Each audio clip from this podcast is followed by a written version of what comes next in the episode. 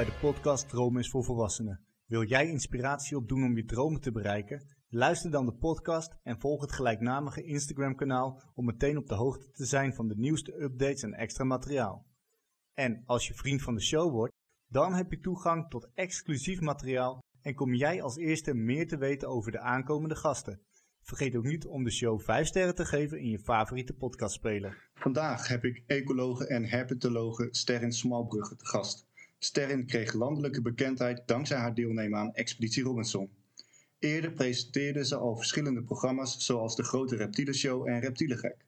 Ook is zij te gast geweest in verschillende programma's en heeft zij een aantal kinderboeken geschreven. In 2018 richtte zij samen met natuurfotograaf Jason Savage de Conservative Front op. Dit is een team van natuurbeschermers die de mens dichter bij de wilde natuur wil brengen. Momenteel staat zij in de theaters met haar show Sterrins Reptielenreis en doet zij nog veel meer, maar later daarover meer. Sterrin, welkom bij de podcast en bedankt voor de gastvrijheid. Ja, dankjewel. Leuk dat je er bent. Ja, nou, leuk dat ik hier uh, mocht zijn. Hoe gaat het met je? Ja, goed. Het is uh, prachtig weer. Zeker in dit seizoen moet dit heel blijven, want het betekent dat uh, de adders en de ringslangen weer wakker worden. Dus ja, ik hou wel van de lente. Ja, ja nee, inderdaad. Dus een dag na de meteorologische lente hoorde ik gisteren. Ja. Um, en zoals ik in de introductie zei, veel mensen kennen jou van Expeditie Robinson. Um, maar goed, je hebt nog veel meer gedaan. Dus laten we bij het begin beginnen. Waar komt die interesse in de natuur en dan specifiek reptielen vandaan? Um, nou, ik denk dat ik echt geboren ben als, uh, als echte dierenliefhebber. Dus dat zat er ja, van kinds af aan al in. Eigenlijk voor alle dieren. Ik heb bijvoorbeeld ook een konijnfokkerij gehad. En ik heb een pony gehad. Waar ik heel veel jaren samen mee door heb gebracht. En ja, ik, ik, hou gewoon heel veel van, uh, van niet-menselijke dieren, zoals ik het dan uh, liever noem. Daar uh, voel ik me heel erg thuis bij. En het is eigenlijk dankzij Steve Irwin, de crocodile hunter, dat die passie voor reptielen echt is aangewakkerd. Dus ik vond het altijd al fantastische dieren, maar dankzij hem leerde ik veel meer over ze. En de manier waarop hij dat met zoveel passie en enthousiasme kon vertellen, dat, dat was zo aanstekelijk. En ja, toen ben ik echt verliefd geworden op de reptielen. Ja, ja dat, ik herken Steve Irwin inderdaad ook wel van Discovery Channel was het ja. volgens mij destijds. En zijn ja, aanstekelijke enthousiasme. Mm-hmm. van, hij vond alles ook amazing, om ja. het zo te zeggen. En dat is natuurlijk wel tof om dan dat stukje te ontdekken daarin. En dan hebben we het over een leeftijd van? Ja, dat, uh, toen ik begon te kijken was ik denk ik een jaar of zes, zeven. Dus echt wel heel jong. En naarmate ik ietsjes ouder werd, 8, 9, 10, um, kwam er een ander uh, aspect bij kijken. Dus dat ik uh, heel veel moeite heb met onrecht. Dus ik was mezelf al een heel introvert persoon. En als ik dan bijvoorbeeld alleen al zag dat andere mensen gepest werden, dan kon ik daarom huilen. En uh, dat ging ook verder. Op een gegeven moment, ja, we zijn nu in Twente, dus ik ben hier ook opgegroeid. Dus ik had heel veel vriendjes die van de boerderij kwamen. En op een gegeven moment zei een vriendinnetje van mij van, uh, wil je anders even de varkensstal bekijken? Nou, dat is de dag dat ik vegetariër werd. Uh, want ik, schrok daar zo erg van, als we die varkens aan, dat is echt walgelijk gewoon. Um, en toen dacht ik, dat is eigenlijk best wel gek, want ik had uh, in de National Geographic Junior of zo gelezen dat varkens nog slimmer zijn dan honden. En ik denk, nou, um, hoe kan dat nou? Honden worden echt als goden behandeld, zeker in Nederland. En dan doen we dieren die eigenlijk nog slimmer zijn, doen we dit aan. Dan kreeg ik echt een error in mijn hoofd. En ook wel een beetje dankzij Steve zag ik dat dat niet alleen voor de, de domestic animals, voor de ja, gedomesticeerde dieren geldt, maar ook voor wilde dieren.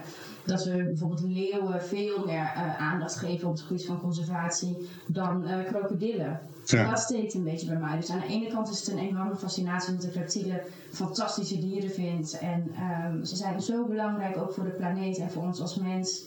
En aan de andere kant zien we dus dat, we, dat ze eigenlijk heel erg ondergewaardeerd zijn. Dat onrecht, dat uh, trek ik niet zo goed. Ja, nou dat is natuurlijk uh, op zich wel een, ja, niet per se herkenbaar. Ik kom zelf uit een boerendorp en nou ja, de varkensstallen, koeienstallen, die heb ik ook. Alleen niet het hele slachtverhaal, om het zo te zeggen.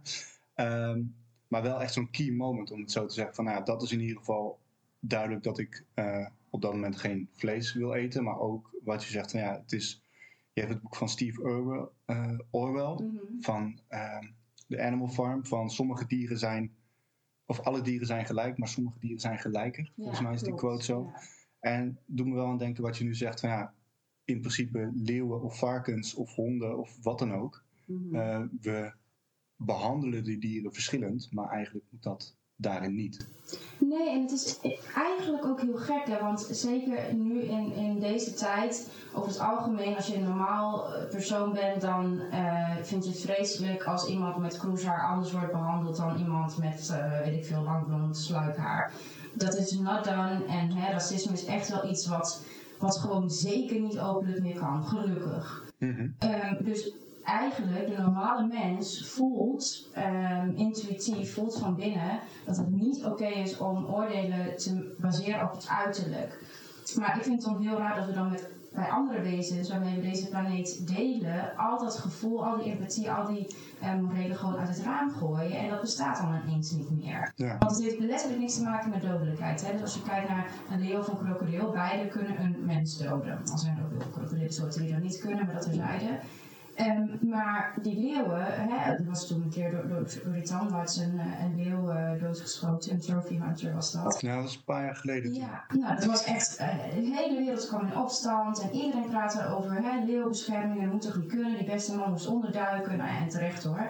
Maar uh, daarmee wil ik even illustreren, oké, okay, één leeuw wordt vermoord op een gruwelijke manier en dat heeft heel veel betekend voor, voor leeuwbescherming. Maar dan aan de andere kant, als er dagelijks reptielen vermoord worden, volgens mij was een jaar later in een Indonesisch dorp, um, hadden ze in een soort wraakactie nadat een krokodil een man had opgegeten, 300 krokodillen in één dag vermoord. Denk je dat dat was? Nee, vast niet. Niemand krijgt daarna. Nee. En, en dat vind ik wel een beetje gek. Dus het heeft letterlijk niks te maken met dodelijkheid. Het is puur van jij een zacht jij ziet er voor ons idee mooi uit, dus vind ik jou meer waard dan een uh, krokodil die er misschien anders uitziet en waar je je moeilijk uh, mee kan identificeren. En dat is gewoon, uh, dat is onrecht, dat is speciesisme, dus geen racisme, maar ja, eigenlijk hetzelfde principe, maar dan bij, bij andere soorten.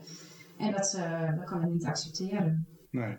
Nee, dat, dat onrecht zeg maar, tussen die verschillende soorten, om het zo te zeggen, wat je zegt, hè, dat, bij mensen kennen we het, als mm zijn er racisme, bij dieren kennen we het niet. Maar ik weet zeker dat iedereen die dit uh, hoort, denkt, ja, eigenlijk doe ik dat ook. Al is het mhm. maar simpelweg uh, als je hondeneigenaar bent, dat je een kat uit je tuin jaagt. Ja, klopt. Het zit ook in ons allemaal, maar het is wel goed om ons daar bewust van te worden. En er ook je bewust van te zijn dat het uh, ook gevolgen heeft voor onszelf. Hè? Zeker reptielen die vervullen allerlei belangrijke rollen in het ecosysteem. En als je ze systematisch links laat liggen bij beschermingsplannen, ja, uiteindelijk gooi je gewoon je eigen glazen in. Ja, ja nee, zeker. En straks gaan we nog de koppeling maken van wat is, hoe kan je dan zeg maar reptielen zien in het bereiken van mhm. je eigen dromen.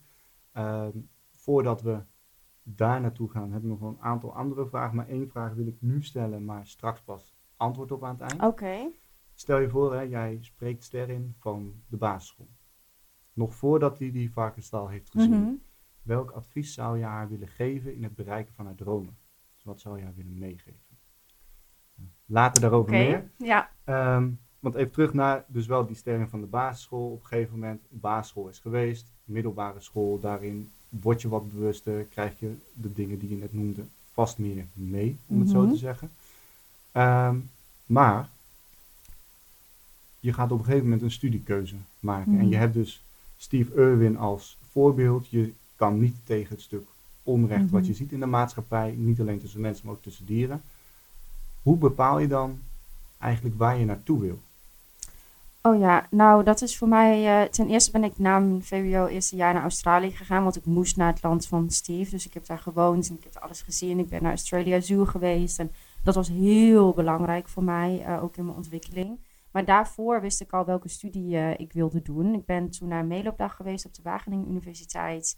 Uh, heb daar paar colleges mee gevolgd. En ik wist meteen dat dat is wat ik wilde. Um, het fijne is wel als je een passie hebt. En niet alleen een passie omdat je iets intens leuk vindt. Maar ook vanwege een soort uh, ja, um, missie die je echt tot in je ziel voelt. Dat je eigenlijk nooit echt na hoeft te denken over je keuzes. Dus um, ik heb zelf en dat zie ik echt als een heel grote, ja, grote zegen in mijn leven. Als ik nooit hoef na te denken van, hé, hey, wat is mijn volgende stap? Alles ligt op, het, op een pad wat voor mij is uitgestippeld, waar ik me heel erg aan vasthoud. Um, waar ik me heel erg in geborgen voel. En Eh, ik heb zelf ook tijdens mijn eh, universitaire studie heb ik eh, mensen begeleid in hun studiekeuze. En ook met mensen aan tafel gezeten die gewoon echt oprecht zoiets hadden van ja, ik weet niet wat ik wil en ik weet niet wat ik leuk vind. En ehm, dat vond ik heel heftig, want ik ken Ja. dat niet. En dat, dat lijkt me echt een van de allerergste dingen. Maar goed, voor mij was het dus vrij makkelijk om die studiekeuze te maken, omdat ik wist wat ik wilde. Ik wilde, hè, dat mijn missie is om de wereld een betere plek te maken voor dieren. Dus ik heb heel bewust voor ecologie gekozen en niet voor biologie. Ook omdat ik alles graag in het grotere geheel wilde begrijpen op ecosysteemniveau. Ehm, en Wageningen. Wat, wat is precies het verschil ertussen voor? Nou, eh, bij biologie kijk ik bijvoorbeeld ook op moleculair niveau, ehm, anatomisch niveau heb ik ook wel een beetje gedaan hoor. Maar ehm, ecologie gaat echt tussen de interacties, tussen dieren, eh, maar ook tussen dieren en het abiotisch milieu, dus tussen de omgeving. Ehm, en dat vind ik heel interessant. Dus het Ja. echt op grotere schaal begrijpen daarvan. En ja, toen heb ik die keuze gemaakt, ook omdat ik Wageningen was destijds zeker een vrij kleine universiteit nog, heel veel oog voor het individu. Ik ben ook al wezen kijken bij, bij, bij Leiden en bij Utrecht en zo, maar ik verzoop daar gewoon. Ehm, en dat, eh, ja, ik wist dat ik dat niet aan zou kunnen. En Wageningen was in die zin nog best wel dorps. En je had echt een, eh, gewoon een band met je hoogleraren. ehm, en dat, dat voelde gewoon heel prettig voor mij. Ja, ja ook, ik herken wel wat je zegt erin als ik terugkijk naar mijn middelbare schooltijd. Mhm. Eh, ook ik mocht vanuit de basisschool instromen richting VWO. Mhm. Maar ik heb bewust gekozen dan voor de kleinere middelbare school van de twee, waarvan ik wist, hier kan ik VWO niet afmaken. Maar ik kan wel even die eerste stap richting die middelbare school. Want Ja. ik ging uit mijn kleine dorpje naar een grotere plaats, om het zo te zeggen. Ja, En dat zijn dan van die kleine punten eigenlijk, die je gewoon vanuit je onderbuik maakt. Het gaat nog niet eens over dat je echt denkt van, oh ja, oh dan moet ik straks over drie, vier jaar van school wisselen. Nee, het gaat gewoon, je volgt je hart, je volgt Ja. je gevoel, om het zo te zeggen. Ja, en dan snap ik als ik, nou, ik heb ook daarna in Utrecht gestudeerd. mhm. Maar dan herken ik wat je zegt van Wageningen of Utrecht, dat is een wereld van verschil. wereld van verschil. Alleen al in hoe de campus is opgezet. Weet je, het is, Wageningen is eigenlijk gewoon een weiland eh, met een paar gebouwen. En je bent midden in de natuur. Het is veel kleiner, veel intiemer, veel persoonlijker. En ja, niet iedereen heeft dat nodig. Maar ik voelde meteen toen ik op die campus daar was: dit is gewoon mijn plek. Ik moet niet eh, naar zo'n grote universiteit gaan. Nee, en Ja. we hadden het eerder voor de opname starten al over een klein stukje over burn-out en dat soort dingen. En als ik dan denk van oké, de keuze voor je studie en de, vooral de plek waar je zit, kan je daar ook aan linken. Want Mhm. als je op een plek zit waar je niet goed zit, die eigenlijk giftig is Ja. voor je, ja, dan kunnen we een mooi bruggetje maken richting de ecologie. Mhm. Als de omgeving niet goed genoeg is voor je, dan kan je ook nooit je potentie halen. Klopt. Nee, klopt. Het is zo waar wat je zegt. Tuurlijk moet je kijken naar hè, een studie die jou gaat helpen om, om je dromen te, te verwezenlijken. Eh, maar aan de andere kant, eh, het is wel, zeker voor de universitaire technische studie, minimaal vijf jaar. En eh, je hebt verder ook gewoon nog een leven. Dus je moet je ook goed voelen op de plek waar je zit. Ehm, en dat is iets wat je minstens eh, net zoveel moet meewegen, denk Ja. ik. Ja, Ja. mee eens. Kijk, de, als je ergens, eh, tenminste tijdens mijn masteropleiding waren er genoeg medestudenten die ook wel echt richting burn-out waren. Of misschien daar zelfs al in overspannenheid of wat dan ook zaten. Gewoon puur omdat we, het was een deeltijdmaster. ja. Dus je had op vrijdag had je je studie. Dat was gewoon acht uur lang in de collegebanken. Dan had je daarnaast een baan. Sommige van mijn klasgenoten die hadden bijvoorbeeld twee kleine kinderen. Oh ja. Die werkten 32, 36 uur in de week. Plus 8 uur studie op locatie. Maar ja, je moest toch wel minimaal 10 tot 12 uur studie. Thuis nog ernaast doen. Ja, ja, Ja, maak het rekensommetje maar. ja. Het is echt wel een impact die je dan gewoon hebt puur om een opleiding af te Ja. ronden. En als dan dus ook nog de omgeving niet is wat je wil. Of dat je eh, omgeving buiten je opleidingsplek zeg maar niet werkbaar is. ja. Ja, Ja, dat is een heel gevaarlijke combinatie. Klopt. Ja. Ja. Maar goed, even terug naar de opleiding, zeg maar. Je had zelf gedurende de opleiding ecologie, dacht je, oké, dit je zit op een plek waar je wil zitten. Het is een opleiding die je daarin wil doen. Mhm. Hoe kon je dan je fascinatie voor die reptielen daarin kwijt? Een goede vraag. Trouwens, even terzijde. eh die, voor iemand, ik krijg vaak die vraag. Die opleiding heet Bos- en Natuurbeheer. En de richting die je daarin kiest is eh, ecologie. Tenminste, heb ik wel gedaan. Je kan ook andere kanten op. Dus mocht je dat ook willen studeren, zo heet die. Ik zal het ook in de show notes Ja, zetten. en de, en de master is eh, Forest and Nature Conservation. Ehm, Nou, dat is een hele goede vraag. Want ik wist natuurlijk dat ik heel erg op die reptielen wilde focussen. Maar tegelijkertijd wilde ik ook ehm, eh, breed onderlegd zijn. Dus hè, echt de ecologie begrijpen. Uh, daarbij is het zo dat je in Nederland geen specifieke opleiding herpetologie hebt. Dus dat is de studie van de reptielen en de amfibieën. Uh, die zijn er wel. Um, in Wales geloof ik en eentje in België. Nou, daar wilde ik sowieso niet naartoe. Dus veel herpetologen, uh, maar ook mensen uit andere disciplines, die doen het eigenlijk zo. Je studeert of biologie of ecologie. En dan uh, specialiseer je binnen die studie op de diergroep die jij dan interessant vindt. Mm -hmm. um, en in Wageningen is het zo dat je best wel heel veel vrije keuze hebt. Dus je hebt heel veel vrije keuze vakken. Dus daar heb ik heel veel zoologie in gedaan. Um, maar ook heel veel um, ja, uh, onderzoeksrapporten die je moet doen en dat soort dingen. En die thema's die mag je zelf kiezen. Ik heb ook uh, drie theses, drie scripties geschreven. Nou, die gingen natuurlijk allemaal over reptielen. Dus zo kan je binnen je studie um, eigenlijk specialiseren. En daarnaast, um, ik had een, uh, een leraar, Arie Terlouw, uh, van zoologie. Dus daar deed ik heel veel ontledingen en zo mee. En die, wij hadden echt urenlang gesprekken over reptielen en hoe gaaf ze zijn. En hij vanuit zijn vakgebied en ik vanuit mijn interesse. En uh, hij zei op een gegeven moment, ja, we hebben het altijd over reptielen. Volgens mij moeten we hier iets mee. Dus dan heb ik ook gewoon buiten mijn studie om um, twee colleges georganiseerd. Samen met hem. Dus hij deed dan het eerste deel, ik het tweede deel. Waarbij we ook reptielen meenemen naar de, uh, meenamen naar de universiteit. Um, en mensen daarover um, over mochten vertellen. Later heb ik nog een uh, slangenanatomieavond met hem georganiseerd. Dus dat, dat konden we de studenten leren over hoe slangen er van binnen uitzien. En zo hebben we eigenlijk heb ik met hem heel veel uh, buiten het curriculum om um, dingen kunnen organiseren. En dat ja. is ook het mooie aan Wageningen, dat dat daar plek voor is. Dus wanneer je um, in Wageningen een passie hebt, dat uh, hoogleraar je heel veel ruimte geven om dat ook verder te ontwikkelen. Want dat was ook zijn vrije tijd. Hè? Um, en daar ben ik hem heel dankbaar voor. Ja. ja, en dan zie je eigenlijk dat om jouw droom, jouw passie zeg maar te kunnen volgen, tuurlijk heb je daar kosten in als in van uh, je moet een opleiding volgen, daar zitten uren in, daar zit geld in. Mhm. Maar de kosten waar veel mensen niet bij stilstaan, zijn toch de mensen die je om je heen hebt, die je daarin, ja, ja misschien zelfs gewoon kosteloos eigenlijk, ja. omdat ze je willen steunen daarin, om jouw droom te bereiken, kunnen helpen. Klopt, klopt. Het is helemaal waar wat je zegt. Um, alleen ik hoor dan soms dat mensen zeggen van, oh ja, daar heb je dan geluk mee gehad daar heb ik best wel een hekel aan, aan dat woord, want dat is niet zo. Um, natuurlijk is er een mate van geluk in iedereen's leven. Het feit dat ik geboren ben in Nederland, dat ik een dak boven mijn hoofd heb, dat zijn dingen waar ik zelf niks aan heb gedaan, die toch een heel groot uh, voordeel bieden in het leven, absoluut. Ja. Maar het is natuurlijk wel zo dat je um, door je houding en door je, door je werkethos, dat je bepaalde mensen aantrekt. Dus je, je plaatst jezelf constant in een positie waar de kans groter is dat je zulke mensen die jou behulpzaam kunnen zijn, um, aantrekt. Ja. Dus ik was obsessief bezig met reptielen. Ik spendeerde veel meer uren op de universiteit. Um, was actief uh, hè, met mensen in gesprek. En dat valt op.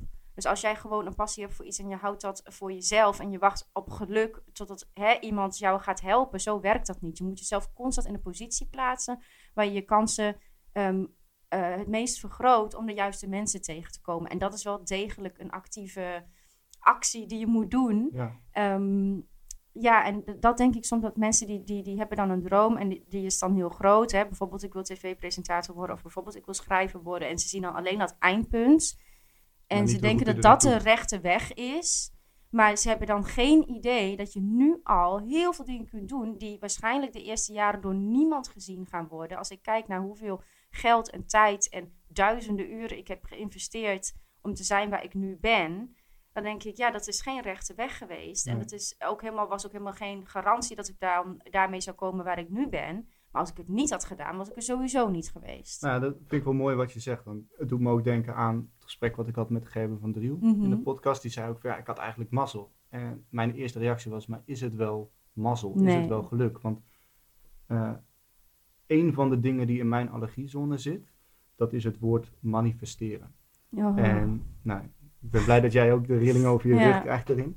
Want wat mij betreft, hoe manifesteren wordt gezegd, is van als je er maar aan denkt en hard genoeg erin gelooft, Ja. dan komt het op je pad. Ja, Maar wat jij eigenlijk zegt, en daar ben ik het helemaal mee eens, je moet de dingen doen die je wil doen, ook al doe je ze Mhm. misschien liever niet, om daar te komen waar je wilt Ja. zijn. Want dat eindpunt bereiken, dat kan iedereen zien. Ja. Als je het hebt over een mooie reis maken of wat dan ook, eh, ja, dat is heel leuk. Maar het is niet zo dat jij op Schiphol staat, dat al je tickets voor je geboekt zijn, dat al je spullen voor je zijn ingepakt. Nee. Ten eerste, je moet zelf nog naar een vliegveld toe, maar je moet toch ook wel een aardig zakcentje daarvoor Mhm. hebben. Ja. En zelf denk ik wel eens terug, en dan heb ik met mijn vriendin bijvoorbeeld erover van, ja, had ik maar wat andere dingen gedaan daarvoor. Mhm. En tuurlijk is het leuk om daarover na te denken, te filo- filosoferen. Maar uiteindelijk is het wel zo ehm, dat alle dingen die ik wel en niet heb gedaan, Mhm. maken waar ik nu ben. Ja. Eh, en dan is de vraag van wat vind je belangrijk? Ja. Kijk, ik vind het belangrijk dat ik een situatie creëer. En ik heb het ook in mijn boek geschreven. Ik wil dat mijn koelkast vol genoeg is en mijn tafel lang genoeg voor de mensen die ik lief heb. Mhm. En dat gaat niet per se over eten of wat dan ook, maar ik wil dat kunnen bieden wat de mensen om me heen nodig hebben. Ja. Ja, daar moet ik ook dingen voor laten. Ja. Maar dan moet ik dus ook daarna acteren. Ja. Eh, een vriend van mij heeft mij, en ik was daar helemaal verrast over, maar dat was nog voor coronatijd, die vroeg mij of ik eh, ceremoniemeester wilde Mhm. zijn van zijn huwelijk. Nou ja, ik had echt zoiets van, wauw. Dat, één, ik had het niet verwacht, maar ik was wel, ik vond het wel een compliment. En toen zei ik, ja, maar ik weet bij jou dat jij bepaalde dingen hebt die ik niet heb, waardoor ik weet dat dat huwelijk gewoon, dat ik geen stress erover Ja. heb, dat het geregeld is. Maar ook dat zijn dingen, die heb ik dus, ondertussen horen we de hond eh, Ja. op de achtergrond, ik weet niet of het hoor is in de opname. Ehm, maar dat zijn dingen, daar sta je niet bij stil. Nee. En eerder dacht ik ook naar een podcastopname. Ik heb tijdens mijn opleiding kwalitatief onderzoek gedaan. Ik heb letterlijk met Mhm. mensen aan tafel gezeten. Dus datgene wat wij nu doen, heb ik toen kunnen oefenen. Ja. Niet wetende waar het toe zou leiden. Klopt. En heb je een einddoel, dan is het heel goed dat je erover nadenkt van dit wil ik graag. Mhm. Maar je moet proactief zijn, je moet acties hebben. Nou ja, en weet je, we leven wel in een tijd waarin dat makkelijker is dan ooit. Hè? Dus stel, ik, gisteren kwamen een aantal studenten naar me toe. Ik had een college gegeven aan de universiteit. Van, ja, ik wil ook doen wat jij doet. Oké, we hebben Instagram, we hebben TikTok, we hebben YouTube. We hebben letterlijk alles. We hebben alle Dus informatie. Begin, begin gewoon met jezelf eh, een profiel maken op Instagram waarin je jouw educatieve message voor de dieren die jij interessant vindt uitdraagt. Want het moment dat je dan iemand tegenkomt die jou verder kan helpen in je carrière en you have nothing to show for it, er is niks. Ja. Ze, ze zien niks als ze jouw naam googlen. Je hebt geen following of eh, mooie hè, content gemaakt. Ja, dan is die kans weg. Ja. Dus ik heb echt gewoon de eerste jaren van mijn carrière voor niks en noppes. heeft me alleen maar geld en tijd gekost. Om maar mezelf neer te zetten. Om zodat zodra zeg maar, ik de juiste persoon tegenkwam. Dat hij ook wist. Ja, deze persoon heeft potentie. Ja. En als jij niet bereid bent om al die voorinvestering te doen. Ja, je moet niet verwachten dat er een engeltje aankomt vliegen. die dit jou maar op een, een bordje aangeeft. Ja. Je hebt En- niet een miljoen dollar ticket. Nee, en je hebt nu echt geen excuus meer hoor, vind ik. Ik vind als jij nu bijvoorbeeld zelf een YouTube-kanaal begint en dat begint goed te lopen, nou dan ben je dus al bezig met het uitdragen van, eh, hè, met het uitwerken van jouw droom. Stel, jouw droom is bijvoorbeeld om presentator te worden. Het mooie is dat je nu letterlijk presentator kan zijn op je eigen YouTube-kanaal. En van daaruit kan je dan natuurlijk verder werken. Als je niet bereid bent om die kleine onbetaalde stapjes te nemen, ehm, waarvan er dan duizenden zijn voordat je komt waar je, waar je wil komen, ja, dan, dan gaat het niet gebeuren. Nee, nee ja, helemaal, eh, helemaal mee eens. Je moet, wat ik net al zei, de dingen doen, ook al wil je ze misschien niet doen. En Ja. de En laten ook heel veel. Ja, ja. nee, zeker. Eh, maar ook de opbrengst die je hebt, of het resultaat, dat heb je niet met, is niet een Nee. instant succes, om het zo te zeggen. Nee, dat is een meerjaren. eh En je noemt net een Instagram-account aanmaken. Dat zijn dingen die moet je doen. Ja. Maar wat als jij nou geen likes krijgt of geen reacties erop? Stop je er dan mee of niet? dat is een heel belangrijk punt. Ja, ik denk dat heel veel mensen op een gegeven moment er dan mee stoppen als ze zien dat het niet succesvol is. In plaats van dat ze even goed naar hun statistics gaan kijken en denken: hé, hey, deze post deed iets beter dan die andere. Waarom is dat zo? Hoe kan ik het aanpassen? En gewoon actief daaraan gaan werken. Ja. Maar dan nog is het doel zoveel mogelijk likes halen. En niet wat je net zei, eigenlijk die hele contentbeelden van oké, Het grotere plan. Precies. Mhm, I know, ja. En dat is natuurlijk wel iets waar heel veel mensen niet bij stilstaan. Ik bedoel, vroeger toen, nou ja, wij zijn ongeveer dezelfde generatie. Toen had je nog niet kinderen op de basisschool die YouTuber wilden worden, Nee. bijvoorbeeld. Ik vraag me dan ook af, ja, waarom wil je YouTuber worden? Aan de andere kant, toen was er geen YouTube, toen Mhm. wij jong waren. Plus, dat is wat de jeugd nu ziet. Ja, En ja, dat, je hebt rolmodellen en uiteindelijk wil je daar naartoe. Vroeger was Mhm. het een brandweerman of wat dan ook. exact. Ja. Tegenwoordig is het toch een, ja, een YouTube, want dat zien we natuurlijk.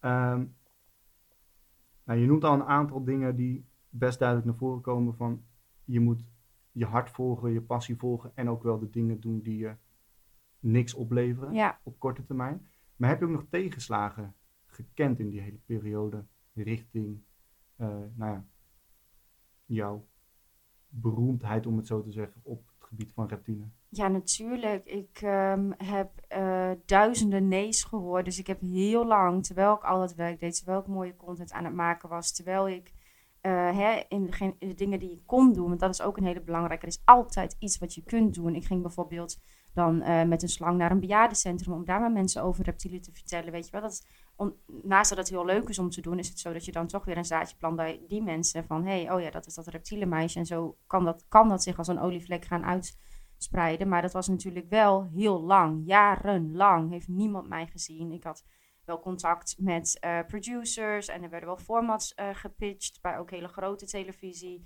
Ehm, netwerken en dat was altijd nee, nee, nee, nee, nee. Echt letterlijk, de eerste jaren was het nee. Terwijl ik dacht, huh, maar eh, hè, ik heb heel veel kennis. ehm, volgens mij kan ik best goed presenteren.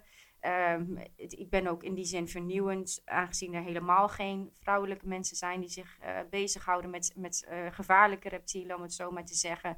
Ehm, hele andere presentatiestijl dan de huidige garde. Dus ik dacht, Freek Vonk. nou, verder- bijvoorbeeld, ja, Freek, en dat, maar ook zeg maar, op interna- internationaal gebied had je dan natuurlijk eh, Steve en een paar andere hele grote, die wel allemaal een beetje in het masculine stonden. Dus ik denk, nou, waarom is er niet iets wat, zoals een Jane Goodall van de reptielen bijvoorbeeld? Nou ja, en dat was dus al die jaren lang nee, nee, nee, nee, nee. En ehm, ja, dat is, dan, dat is het moment wat het meest belangrijk is. Ga je dan door of leg je je erbij neer?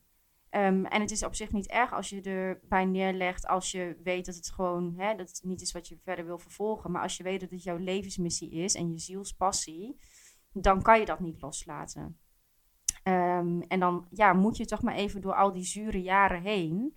Eh, en het is daarna ook absoluut geen lineaire lijn. Dus het gaat gewoon met ups en downs. Het is een hele kwetsbare eh, wereld waar je je in begeeft.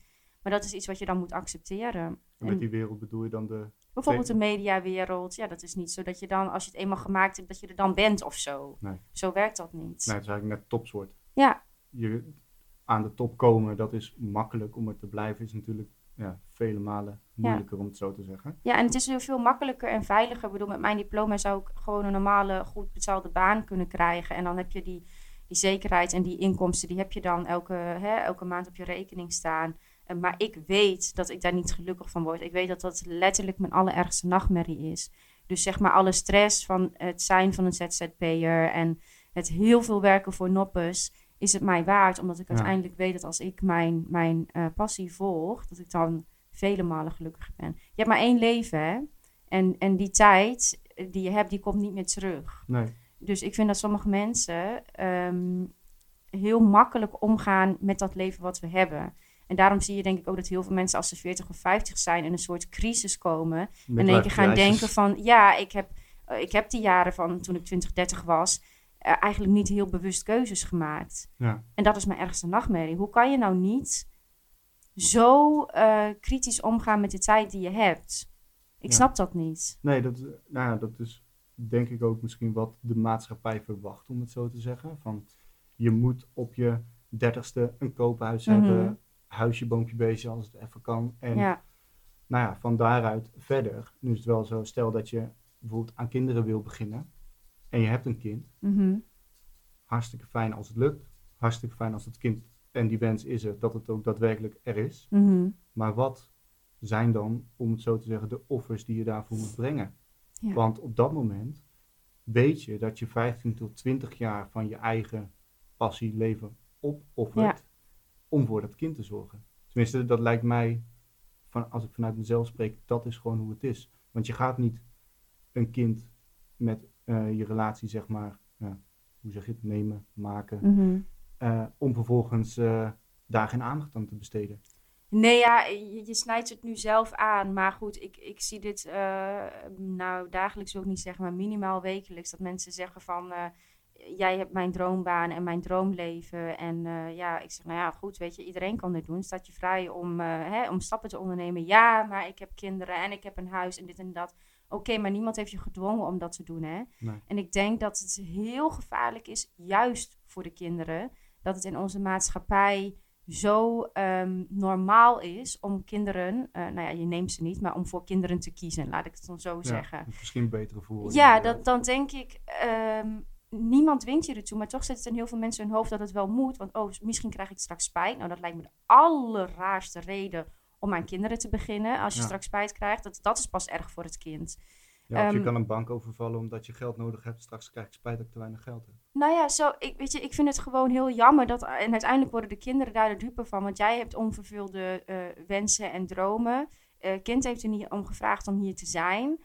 Dus een kind, het is wat je zegt, hè, het is minimaal 20 jaar eh, van je leven dat het eh, heel intensieve zorg is. Je moet er gewoon zijn voor je kind.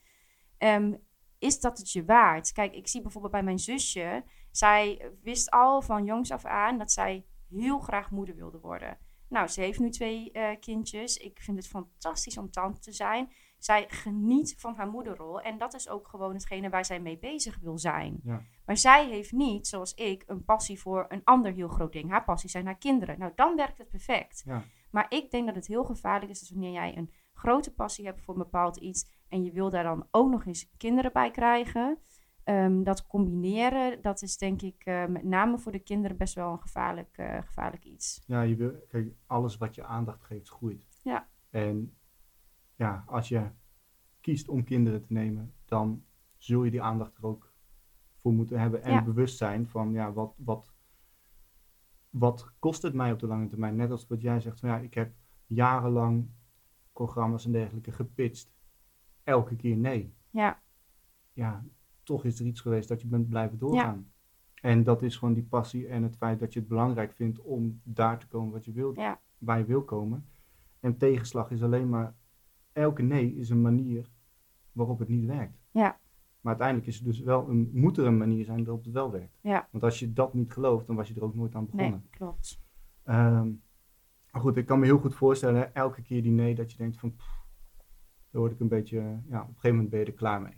En even teruggaan naar jouw deelname aan Expeditie Robinson. Mhm. Een van de zinnen die jij sprak destijds was, dat triggerde mij enorm. En dat had te maken met vertrouwen in mensen. Mhm. Ehm, maar je zei net ook al eerder in het gesprek, je hebt mensen om je heen nodig Ja. die je kunnen helpen daarin.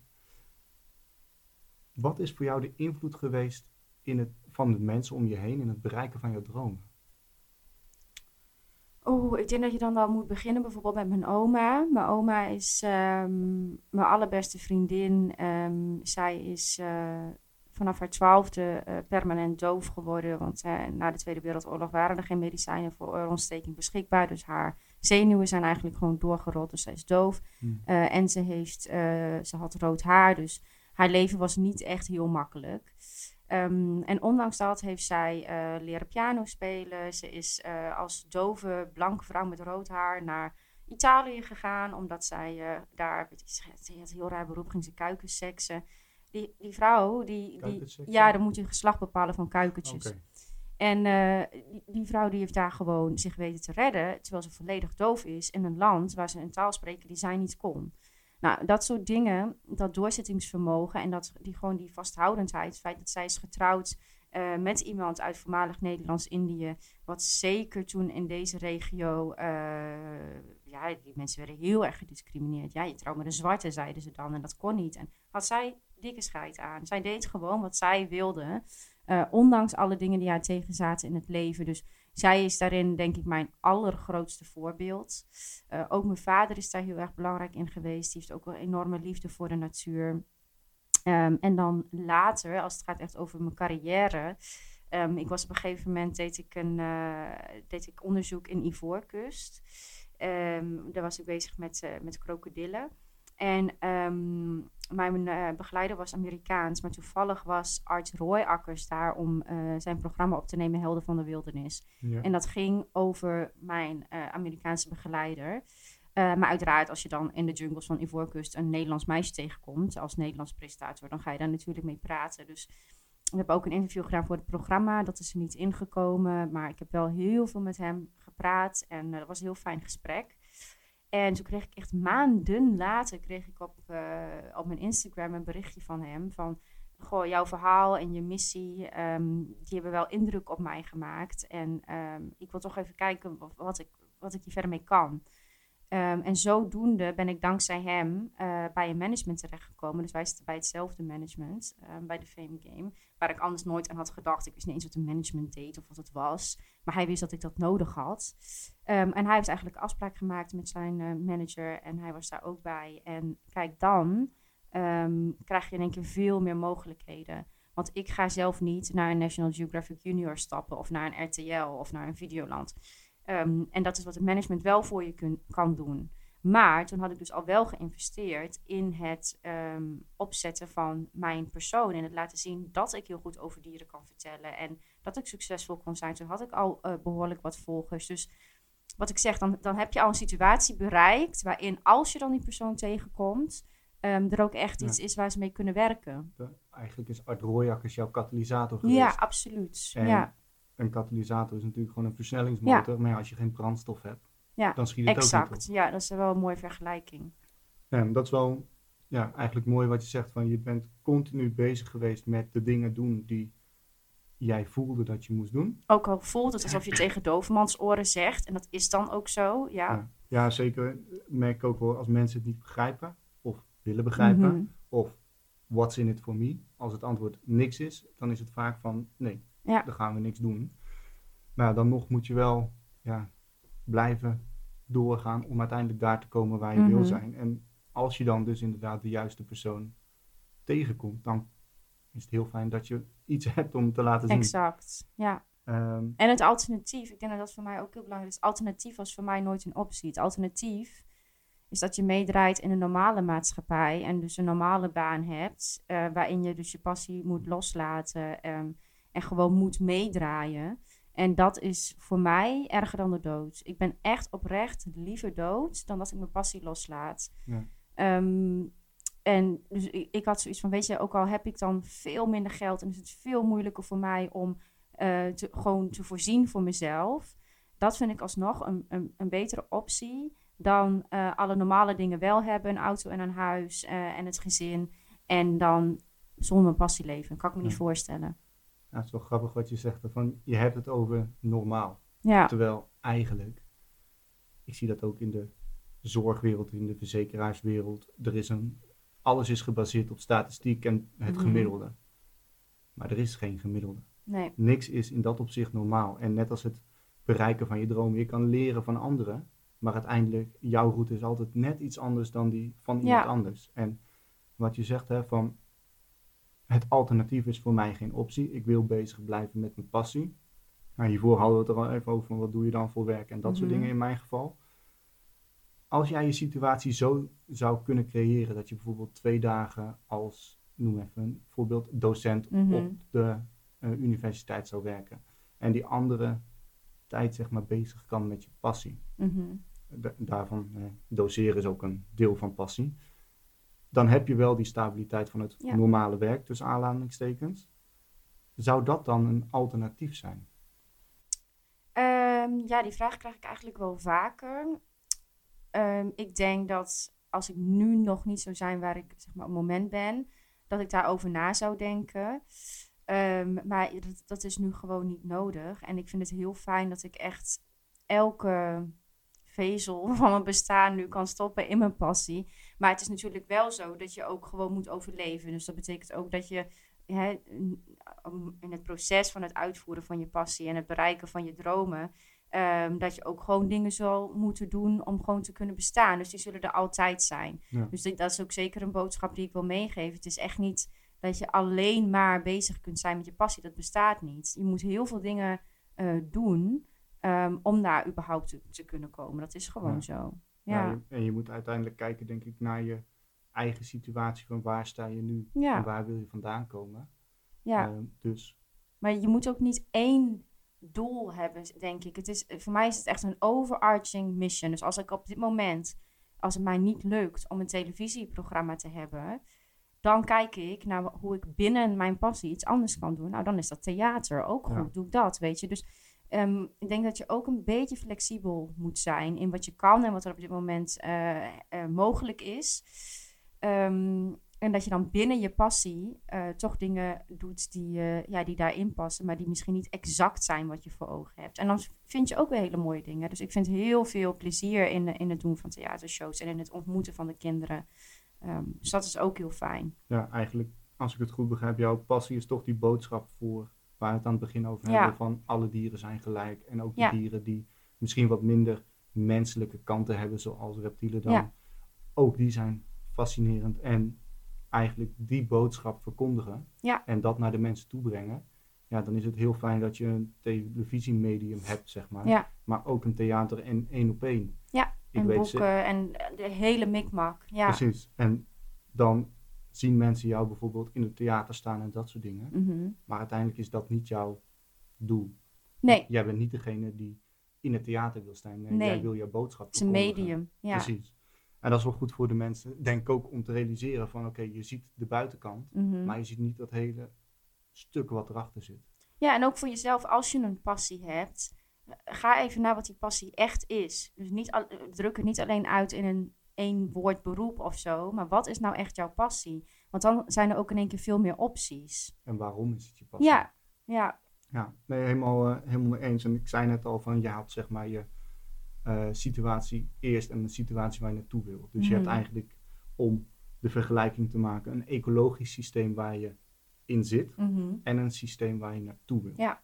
Als je dan kijkt naar jouw ecologische systeem, eh, nou, zullen we zeggen, vanaf het moment dat je naar Australië ging. mhm. Wat zijn daarin dan de kernaspecten geweest, waardoor jij naar dat andere systeem kon? Ehm, ja, er zijn natuurlijk heel veel variabelen in een ecosysteem. En sommige heb je invloed op en sommige niet. En waar je wel invloed op hebt, is jezelf. Ehm, en ik denk dat ik als eh, geboren introvert het bijvoorbeeld heel moeilijk vond om voor mensen te staan en om open te zijn en om te praten en om mijn passie over te brengen, omdat dat van nature niet in mij zit. Het is meer dat, nou ja, om mijn missie te bereiken, zal ik met mensen moeten dealen en mijn boodschap moet naar de wereld. Ehm, dus dan ga je kijken naar wat kan ik in mezelf aanpassen om daarin beter te worden. Ehm, en daar heb ik al die tijd heel actief aan gewerkt. Hè, door zelf filmpjes te maken, door voor de spiegel te staan, door te oefenen, oefenen, oefenen, doen, doen, doen. Ehm, dat zijn dingen waar je invloed op hebt. Ja. En ik merk wel, ik kom heel veel mensen tegen die zeggen van ik wil met mijn passie bezig zijn. Ehm, maar dat kan niet, want, want, want, want, want. Maar dat is onzin, want er zijn altijd variabelen waar jij invloed op kan hebben. Ja. En dat, dat heb ik eigenlijk van jongs af aan al zo gevoeld. Ehm, en daar ben ik van jongs af aan al een beetje aan gaan draaien en mee gaan spelen. En de dingen waar je wel invloed op hebt, om daar ook actief mee bezig te gaan. Ja, ja, en ik kan me voorstellen, hè, je, ehm, we zitten hier zeg maar bij jou thuis. Dat lijkt mij ook gewoon een stukje basis waardoor je dat kan. Dat je een soort vangnet hebt. Ja. Dat je weet van oké, ik kan dit proberen. Als het lukt, super. Mhm. En ik herken dat ook van mezelf. Ik heb ook gewoon een goede basis gehad erin dat ik dingen kon proberen. En als het niet lukt, ja, dan lukt het niet. Dat Ja. is dan zo. Maar dan weet je dat. Dan heb je in ieder geval die ervaring. Dus het levert altijd iets op als je het probeert. Ja, maar vangnetten kan je natuurlijk ook zelf creëren. Hè? Dus door bijvoorbeeld ehm, die opleiding te doen aan de Wageningen Universiteit, dat is al een vangnet aan zich. Want met dat diploma, stel het zou echt niet lukken, kan ik inderdaad twee of drie of vier dagen ehm, een gewone baan eh, aangaan. Ja. En zo alsnog eh, doorgaan. Dus ik denk dat je ook altijd naar opties moet kijken. Hè? Ook al heb je misschien niet ehm, eh, bepaalde privileges die anderen wel hebben. Dat je altijd kijkt naar opties. Hoe kan ik zelf vangnetten creëren? Ik bedoel, ik zag ook om mij heen hoe bepaalde mensen eh, in mijn studie eh, niet hoefden bij te lenen. En hun ouders betaalden het collegegeld en dit en dat. Ik heb dat nooit gehad. Ik moest alles gewoon zelf betalen. Ja. Eh, mijn studie was alleen al 40 uur op de unie zijn. Ik had er twee baantjes naast. Dan nog kan je niet overleven. Dus je zal moeten lenen. Nou, dat vond ik heel verschrikkelijk. Maar ik wist wel dat het met een groter doel was. Ja. Ehm, dus ik denk dat hè, die vangnetten, ehm, ook daarin moet je niet kijken naar welke vangnetten je niet hebt. Maar vooral kijken naar hoe kan ik vangnetten voor mezelf creëren. Ja, ja, nee, dat is wel een mooie omschrijving wat je zegt. En als je het dan hebt over, je moet zoveel uur op de unie zijn, je hebt er twee baantjes bij, maar Mhm. nog moest je bijlenen. Ja, kijk, dat is een hele andere situatie dan dat je wel studeert, geen baan hebt, maximaal bijleent. Ja, En dan misschien vervolgens, vijf tot tien jaar later, gaat klagen dat je geen hypotheek kan krijgen omdat Ja. je zo'n hoge studieschuld hebt. ja, Ehm, ik begrijp dat het frustrerend is. Ik begrijp ook dat je destijds daar niet bij stilstaat. mhm. Want dan is het het studentenleven en daar wil je mee. Want Ja, dat snap ik dus echt niet. Ik, ik, kan, er- ik kan er met mijn hoofd niet bij, want je, je snapt dat als je geld leent, dat het terug moet. Dus ik heb letterlijk mijn hele studietijd lang van 20 Mhm. euro in de week geleefd. Ik heb echt niet veel te eten gehad. Ik heb zo gruwelijk zuinig geleend, omdat ik wist, elke euro die ik leen, die moet terug. Dus elke euro die ik leen, die gaat of naar mijn eten of naar studieboeken. Ja. Ehm, en dat was het. En ik, dat, dat zeg ik, ik snap niet dat mensen zo roekeloos kunnen omgaan met de tijd die je hebt op deze aarde. Hoe kan je nou, niet alleen met je tijd, maar dus ook met geld, hoe kan je nou daar niet over nadenken? Ik vind dat zo bijzonder, want je bent geen klein kind, hè? Ik bedoel, Mhm. als je gaat studeren, dan ben je 17, 18, 19 jaar. Ehm, ik snap niet dat er iemand moet zijn die jou vertelt dat het misschien niet zo slim is om maximaal bij te lenen, ehm, als je dat niet daadwerkelijk nodig hebt. Ja, nee, daar ben ik het helemaal mee eens. Wat, wat ik daarmee bedoel, zeg maar eerder zei al, en nu net ook van tijd is het waardevolste wat je Mhm. hebt.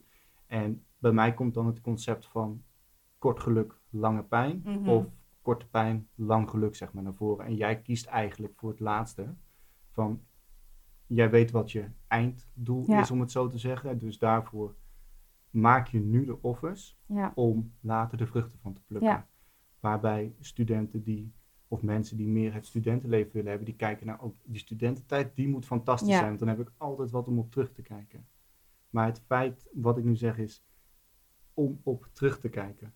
Oftewel, je zit met de gebakken peren, want daarna heb je niks. Nee. Ik ben blij dat ik niet hoefde bij te lenen. mhm. Maar de kosten die ik daarvoor had, was dat ik bij mijn ouders woonde. Ja. Nou, dat is een hele... an- En dan, natuurlijk was ik jaloers op... Of had ik zoiets van, nou ja, weet je... Ik zou ook wel een keer in zo'n studentenwoning Mhm. willen wonen. En ik zou dat ook willen ervaren. Wetende wat het mij kost. Want Ja. ik vond sport ook belangrijk. Dat heb ik altijd kunnen blijven doen. Wel op een plek dat ik af en toe ook een training kon missen. Waardoor ik een deel van dat studentenleven kon hebben. Achteraf gezien ben ik er hartstikke blij mee. Mhm. Maar op het moment zelf dacht ik wel eens van, nou ja, is dit nou wat ik wil? En zeker Mhm. nu in deze tijd, ehm, mensen hebben het over maximaal bijlenen om te investeren, omdat je toch niks krijgt op je spaarrekening. Mhm. Om maar op die manier financieel goed te zijn. Uiteindelijk, dat geld moet je toch terugbetalen. Dus het, je staat op je 17e, 18e niet erbij stil. Mhm. Ook al ben ik het ermee eens, je bent geen, kleine, je bent geen klein kind meer. Dus je kan er best bij stilstaan, wetende dat wat je nu doet gevolgen heeft. Mhm. Alleen de impact is heel moeilijk om te bepalen. Terwijl als je nu Ja. weet van oké, als ik een eh, studieschuld van een halve ton heb, volgens mij is het zo dat die prijs verdubbeld wordt. En dat is wat je minder kan lenen. Ja, Nou ja, in deze tijd is een ton. ja, dat komt niet. niks meer. Ja, nee, klopt. Ja. En ja, dan achteraf kan je, kan je dan inderdaad gaan klagen van, oh, dan heb ik, kan zo moeilijk een huis hebben. Mhm. Ja, eh, inderdaad, heel vervelend. Mhm. Maar dat komt niet door iemand anders dan jezelf. Nee, maar dat, dat bedoel ik met zeg maar bewust keuzes maken. En dat gaat dan hier in dit geval om leden, maar dat heb ik dus ook heel sterk met kinderen. Dat ik soms denk dat het gevoel krijg dat het bepaalde mensen overkomt dat ze een kind krijgen. En heel veel mensen maken er iets fantastisch van, hoor, dat is super. Maar ik zie ook dat eh, heel veel mensen dan in een leven terechtkomen wat ze helemaal niet hebben gewild. En dan denk ik, wauw, je zet een leven op de wereld. Hè? Dat is Ja. de grootste verantwoording die je kan hebben. Zou je daar niet een klein beetje meer bewust mee moeten omgaan? Niet even voor jezelf op een rijtje gaan zetten voordat je die, die keuze maakt van wat voor impact zou dat hebben op mijn leven? Ehm, hoe gaat mijn leven er dan uitzien? Hoe gaan we de taken verdelen? Hoe ziet mijn werkleven er dan uit? Mijn financiële situatie? Ik kan me niet voorstellen dat je over zulke dingen niet nadenkt. En toch Ja. is het zo. Ja, ja ik, mee eens hoor. Ik vind het altijd heel bijzonder als mensen zeggen, ja, het overkomt je. Ja, dat, dat kan niet, sorry. Hoe dan? Ja. ja dat, als ik dat dan hoor, dan denk ik, ah, hoe, hoe kan dit je overkomen? Je bent erbij, ten eerste. Mhm. Je weet wat je er, ja, even heel plat gezegd, wat je er tegen kan doen. Ja. Dat het niet gaat gebeuren. En toch kies je er allemaal voor om dat allemaal niet te doen. ja. En uiteindelijk een kind op de wereld te zetten. ja, en dan ben jij niet gelukkig. En het kind, eh, die is daar de dupe van. Dat vind ik heel erg. En waarschijnlijk ook nog je partner. Dus Ja. Ja, je hebt 1 plus 1 is 3, Ja. letterlijk, wat dat betreft. Ehm, even terug naar, nou, we dwalen af, maar dat vind ik op Mhm. zich niet erg. Ehm, we hadden het over die ecologische systemen, zeg maar, in Ja. het bereiken van je dromen. Ehm, als je puur kijkt naar, eh, je kan, wat je net zegt, hè, je kan zelf echt wel dingen doen om jouw ecologisch systeem positief te beïnvloeden. Natuurlijk ook negatief. Mhm. Als je dan kijkt naar jouw situatie en jouw passie. En dan hebben we het vooral over die reptielen, zeg maar, en die meer onder de aandacht brengen. In Nederland heb je niet superveel verschillende soorten, bij mijn weten. Nou ja, ik heb het televisieprogramma over gemaakt voor Videoland. Op zich wel. Ehm, ik denk juist een van mijn missies is ook om te laten zien dat het ook in Nederland het waard is om op safari te gaan. Ehm, ja, ik merk ook dat heel veel programma's die worden gemaakt over reptielen vaak over Afrika of Azië gaan. En denk, ja, weet je, er zijn heel veel gezinnen in Nederland waar een kind het eh, nooit gaat maken tot Azië of Afrika, omdat het gewoon niet te betalen is. Hoe leuk is het als je dan leert dat ook Nederland fantastische reptielen heeft en dan het andere stuk waar ik naartoe ben gegaan was Spanje. Want Spanje is natuurlijk ook wel een plek waar Nederlanders nog komen. Om daar te laten zien dat we daar ook fantastische dieren hebben. Ja, dus je kan ook kort bij zeggen, je hoeft niet zo heel ver. Nee, nee, Weg. juist niet. Nee. Want in principe, hè, de, eh, de impact van reizen Mhm. op de natuur of op de wereld is natuurlijk Is ook heftig. is heftig Ja. inderdaad. Zou je met de kennis van nu, zou jij dan terugkijkend op de laatste tien jaar daar andere keuzes in hebben gemaakt? Minder eh, reizen bijvoorbeeld? Bijvoorbeeld? Ehm, nee, nee. Ik ben iemand eh, hè, die heel bewust keuzes maakt in alles. Dus het feit dat ik eh, om mijn twaalfde ben gestopt met vlees eten bijvoorbeeld, is er daar een van. Keuzes die ik maak in welke producten ik gebruik. Ehm, dan is zeg maar het enige echt slechte ding wat ik doe, is dat ik dan dus soms vlieg. Ehm, en ook daarin probeer ik te doen wat ik kan. Dus hè, ik betaal altijd die, die CO2-compensatie. En ik ben daar echt ook ehm, actief mee bezig om zo- min mogelijk te vliegen. Maar voor mij, eh, voor mijn beroep, ehm, eh, voor wie ik ben, is dat gewoon wel iets wat, wat ik, eh, waar ik geen spijt van heb. Nee. Nee. Ja, ik had Nee. de vorige aflevering met Arjan Dwarshuis erover. Die heeft een jaar lang zeg maar, de wereld Mhm. rond ja, gevlogen op zoek naar allerlei soorten vogels om de wereldrecord te vestigen. En die zei ook van, als je gaat reizen, en dat heeft hij in dat jaar ook gedaan, altijd ecotourisme. Ja, altijd ervoor zorgen dat de lokale mensen ook de vruchten kunnen plukken. Maar ook inderdaad die CO2-compensatie. ja. Niet eens over nadenken. Gewoon doen. Nee, maar kijk, bijvoorbeeld hè, die documentaire die ik dan in Bali heb gemaakt ehm, over de problemen die de koningscobra eh, ervaart. Die, die moeders die maken elk jaar een nest en dat doen ze dan vaak op boerenland, want er is geen ander land meer beschikbaar. En dan schieten de boeren de moeders dood en zetten de eitjes in de fik. Dus ik wil dat probleem aankaarten, maar niet om zelf als white savior daar naartoe te gaan en te laten zien, hé, hey, zie mij als koningscobra's redden. Nee, ik ben met de Bali Reptile Rescue Center, dat wordt geleid door een Indonesische vrouw, ben ik op stap gegaan om te laten zien wat zij doen. Ja. En als mensen geraakt worden door onze documentaire, dan kunnen zij inderdaad tours boeken met hen en eh, zo eh, de dieren van Bali ontdekken. Dus echt de lokale organisaties steunen. Ja. Dus dat is een heel goed punt. Ik probeer altijd aan ecotourisme te doen en altijd ook ehm, eh, licht te schijnen op de mensen die, ehm, die daar goed in bezig zijn. Ja, ja dat ja, denk ik ook wel heel mooi daarin. En ook een stukje besef bij mensen van oké, het is prima om meer te ontdekken. Ja. Maar, wat je ook zei, dicht bij huis is er ook hartstikke veel om te ontdekken. Eh, ik ben er afgelopen zomer. Ja, afgelopen zomer was ik met mijn vriendin aan het lopen. En in één keer ja, kroop daar of een adder of een ringslang voor ons weg. Wat En- cool. ja, super cool. En ik kom uit een boerendorp en ik heb ook wel vaker ringslangen zien zwemmen, zeg maar, door het water en zo. Dat ik denk van ja, oké, dat ziet er wel heel gaaf uit. Maar voor mij was het tussen aanhalingstekens normaal geworden, omdat ik het vaker zie. Zij komt uit Almere. Oh ja. Nou, daar heb je iets minder natuur Ja. als ik gewend ben. Dus haar reactie dat ze zo, nou ja, verbaasd was van, wow, dat we dat hier in Nederland hebben. Ja.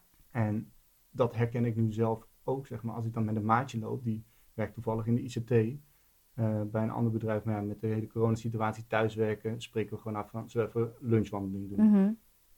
Ik ben altijd om me heen aan het kijken. Ja. En laatst zag ik dan een boomkruiper en een bonte specht of een Vlaamse gaai. En hij zegt van, wat zie je dan? Ik zeg, ja, die vogel, dat is dat en dat. Oh, die heb ik nog niet eens gezien. Ja. En dan zie ik wel dat als hij dat ziet, van, oh, dat is wel echt bijzonder om te zien, omdat Ja. je weer iets nieuws hebt.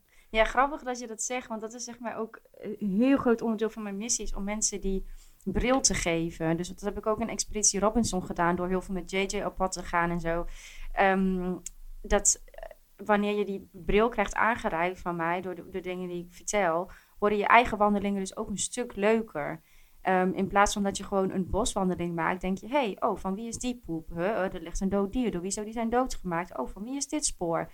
Um, dan krijg je zoveel meer connectie met de natuur. En dan ga je ook meer van de natuur houden. En zoals Steve zei, waar je van houdt, dat wil je redden. Ja.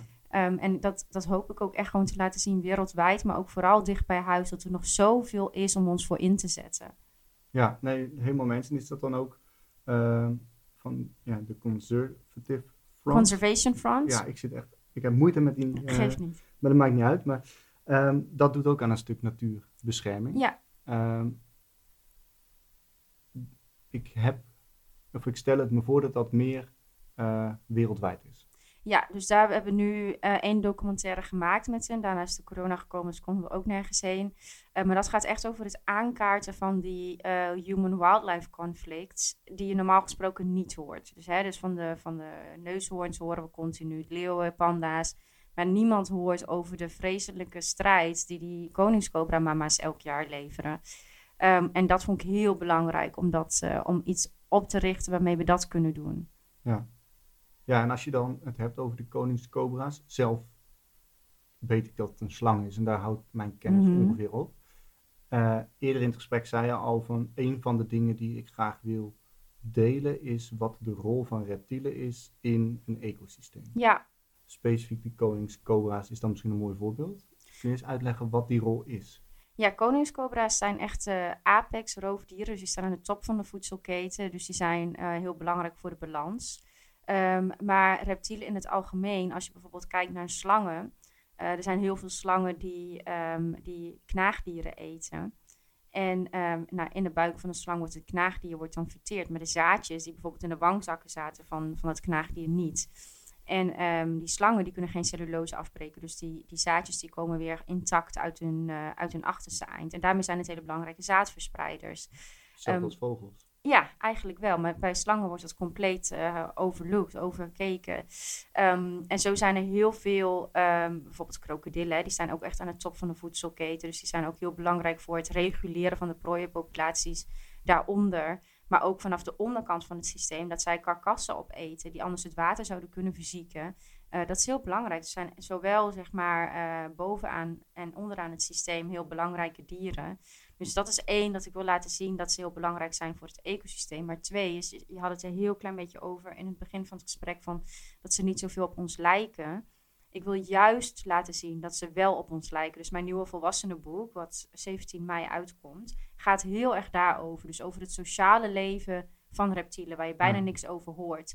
Dat er reptielen zijn die monogame relaties hebben, uh, die heel lang bij elkaar blijven. Dus een hagedissenkoppel, dat wordt gevolgd in het wild, die is al 27 jaar samen. Um, dat uh, broertjes en zusjes slangen met elkaar communiceren nog in het ei met hun hartslag. Dat krokodillenvaders en moeders de beste ouders zijn. Dat leguanenbroers hun zussen beschermen, soms met de dood moeten bekopen. Dat zijn allemaal dingen die wij herkennen. Alleen ja. die kant van reptielen wordt nooit belicht. Dus eh, ook mijn collega's uh, vaak gaat het toch over zo giftig, zo sterk, zoveel tanden. Kijk, mij eens gevaarlijk zijn met deze slang of krokodil. Uh, terwijl ik dat totaal niet relevant vind. Ik vind nee. het relevant om te vertellen dat zij helemaal niet zo anders zijn dan jij en ik. Want pas wanneer je kunt identificeren met dieren, dan pas ga je ervan houden. Dat zien we dus ook heel goed bij panda's en bij leeuwen. Hè, die, dat, dat snappen we meer. Staat iets dichter bij ons, letterlijk ook in de evolutionaire boom.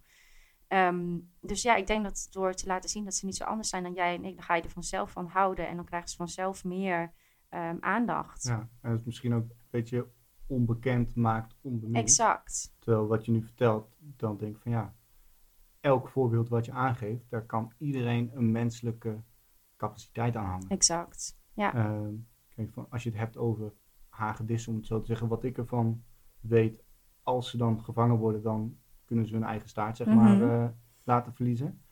Maar ik, ik was in, op vakantie op La Palma van de Canarische eilanden en toen zag ik ook een hagedis daar gewoon, die zat te chillen in de zon zeg maar.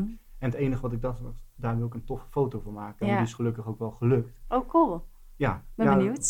Ja, ik zal eh, snel eens kijken. Of dat, ik heb hem hier eh, op de laptop. Ik zal hem straks laten zien. Ehm, maar puur dat ontdekken. Mhm. En tuurlijk, hè, we weten, dieren kunnen gevaarlijk zijn. Mhm. Net als een leeuw, daar, een krokodil.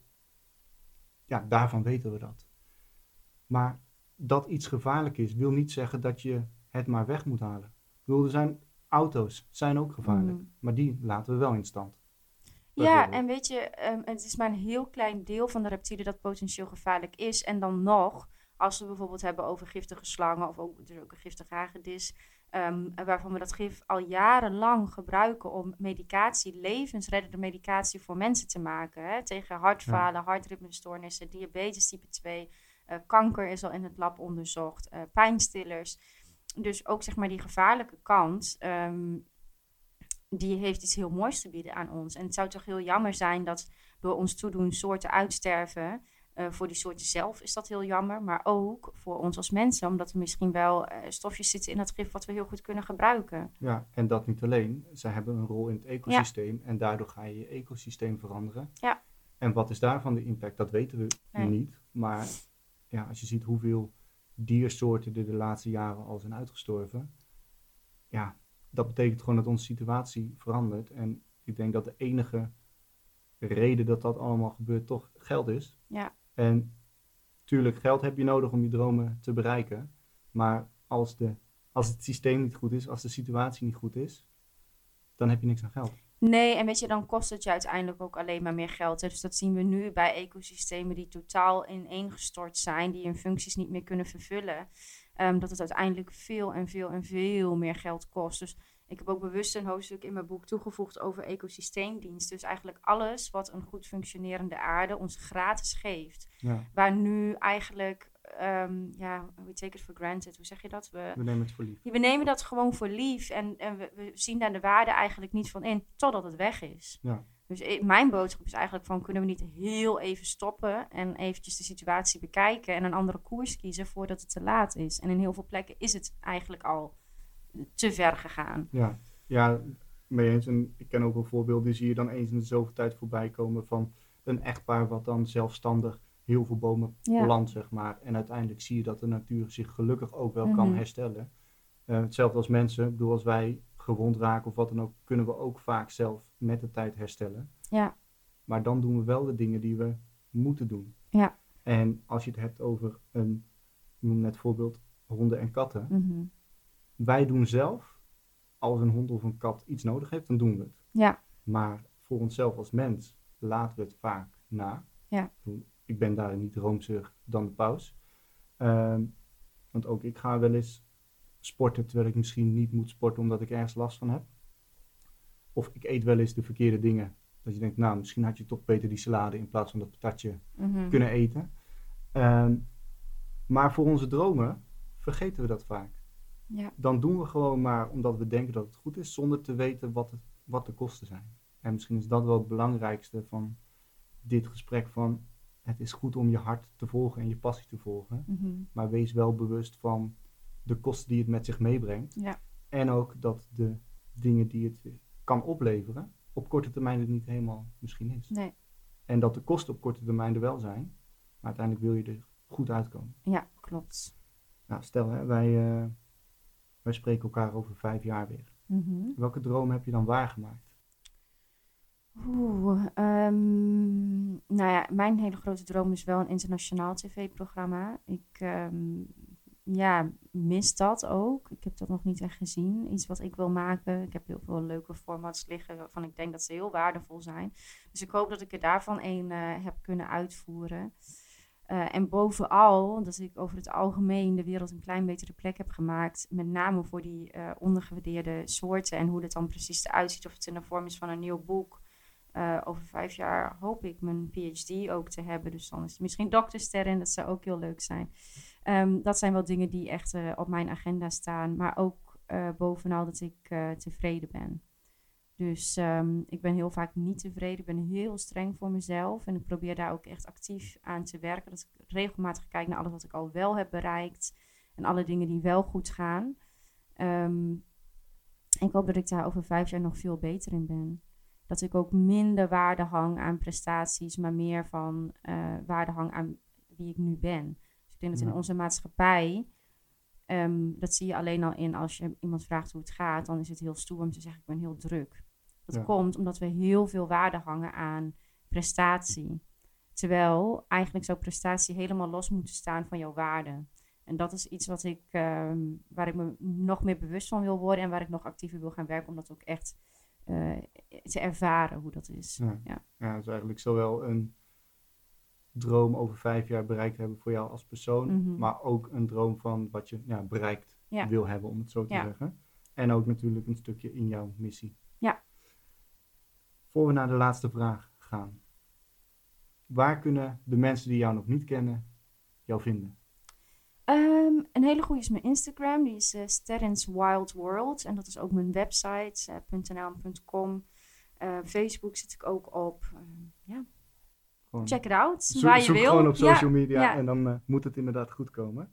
Ehm, goed, als ik dit gesprek zou samenvatten, denk ik de belangrijkste dingen die je aangeeft in het bereiken van je dromen is aan de ene kant heb jij hele mooie rolmodellen gehad van mhm. je oma en je vader. Uiteindelijk heeft dat geholpen om jouw liefde en passie voor de natuur, specifieke reptielen, uh, nou ja, verder aan te wakkeren en aangewakkerd te houden. Maar dat kon niet zonder een stukje doorzettingsvermogen en productiviteit. Ja. Dat is essentieel. Kijken naar de, naar de mogelijkheden ook. Ja. En ook, uh, gaf je aan het eind aan, een stukje reflectie, terugkijken. Ja. Niet alleen het negatieve blijven hangen van het lukt niet of wat dan ook, maar gewoon bewust zijn van wat heb ik nou gedaan, wat werkt wel, wat werkt niet. Mhm. Maar ja, terugkijken van hoe de situatie toen was en hoe de situatie nu is. Want het is mhm. heel makkelijk, denk ik, voor mensen om te kijken nu van, het is niet zo lekker. Ik zie het ook in de praktijk. En dan zeggen we, ja, maar hoe was het vorige maand? Ja. En we vergeten vaak hoe het die periode ervoor was. Mhm. Omdat we, nou ja, we leven de hele tijd met onszelf. Ja, dus en we hollen maar door, ja. Precies, en het is goed om even daarin stil te staan. Ja. Als we dan teruggaan naar uh, Sterren van de basisschool. Mhm. Welk advies zou je haar willen meegeven in het bereiken van haar dromen? Ja, dit is iets wat we nu niet zo hebben aangestipt. Maar zeker als kind, toen ik dus die passie al had, want die heb ik al vanaf mijn geboorte, denk ik, heb ik me heel vaak heel anders gevoeld. Echt een buitenbeentje. Dan dacht ik, waarom vind ik het nou in godsnaam de dingen niet leuk die andere kinderen wel leuk vinden? Later ook hè, met naar de disco gaan. De disco, ik kan me geen ergere plek voorstellen. Maar ik vond dat heel, ja, maar ik vond dat heel erg dat ik dat niet leuk vond. Dus hè, wat, waar we het net al over hadden, de maatschappij heeft een bepaald beeld van normaal. En ehm, als jij daar uh, geen interesse in hebt of daarin uh, in, uh, afwijkt in jouw dromen en wensen en in, je, in de dingen die je leuk vindt, dan is dat zeker als introvert kind heel moeilijk. Heel moeilijk. En dan betrek je dat allemaal op jezelf. Dan denk jij dat jij de rare bent. En dan ga je denken, ja, moet ik me dan aanpassen of zo om normaal tussen aanhalingstekens te zijn. Je wil erbij horen. Ja, en nu zou ik tegen mezelf zeggen, ehm, je bent goed zoals je bent. En vooral ga door. Ehm, dus ja, ik zou mezelf gewoon een hart onder de riem willen steken dat het helemaal oké is om anders te zijn. En dat het uiteindelijk allemaal goed komt als je je vasthoudt aan wie jij bent als persoon. Ja. En dat heb ik ook altijd gedaan, maar dat was wel heel vaak, dat ging met heel veel tranen gepaard. Um, en ik denk dat het voor mij in die tijd heel fijn zou zijn geweest om te horen dat het helemaal oké is om anders te zijn. Ja, en dat je gewoon even die arm om je heen hebt van ja. het is prima. En je mag je ook, en dat vergeten mensen ook wel eens, je mag je soms ook gewoon slecht voelen. Ja, dat ook inderdaad. Ja, maar ik denk dat zeker op de basisschool en later ook de middelbare school, het wordt iets minder bij je vervolgstudie, zit je in zo'n stramien. Het is zo'n smal strookje waar iedereen oploopt. En eh, wat ik dan graag had willen horen was van, weet je, als je ouder bent, dan krijg je veel meer vrijheid. En dan kan je echt al die, uh, die, die, die normen die iedereen uh, voor zich ziet, kan je eigenlijk loslaten. Mag je je eigen pad bewandelen. Uh, maar dat voelt dan niet zo als klein kind. Nee. En dat zou ik mezelf en ook alle andere kinderen, mijn kindjes zijn eigenlijk kindjes die naar mijn show komen en die mijn boeken lezen en die me regelmatig berichtjes sturen. Dat zie ik als mijn kinderen. En dat is eigenlijk ook wel de les die ik in alles wat ik maak probeer mee te geven. Je bent goed zoals je bent. Ja. Goed, dankjewel. Graag gedaan.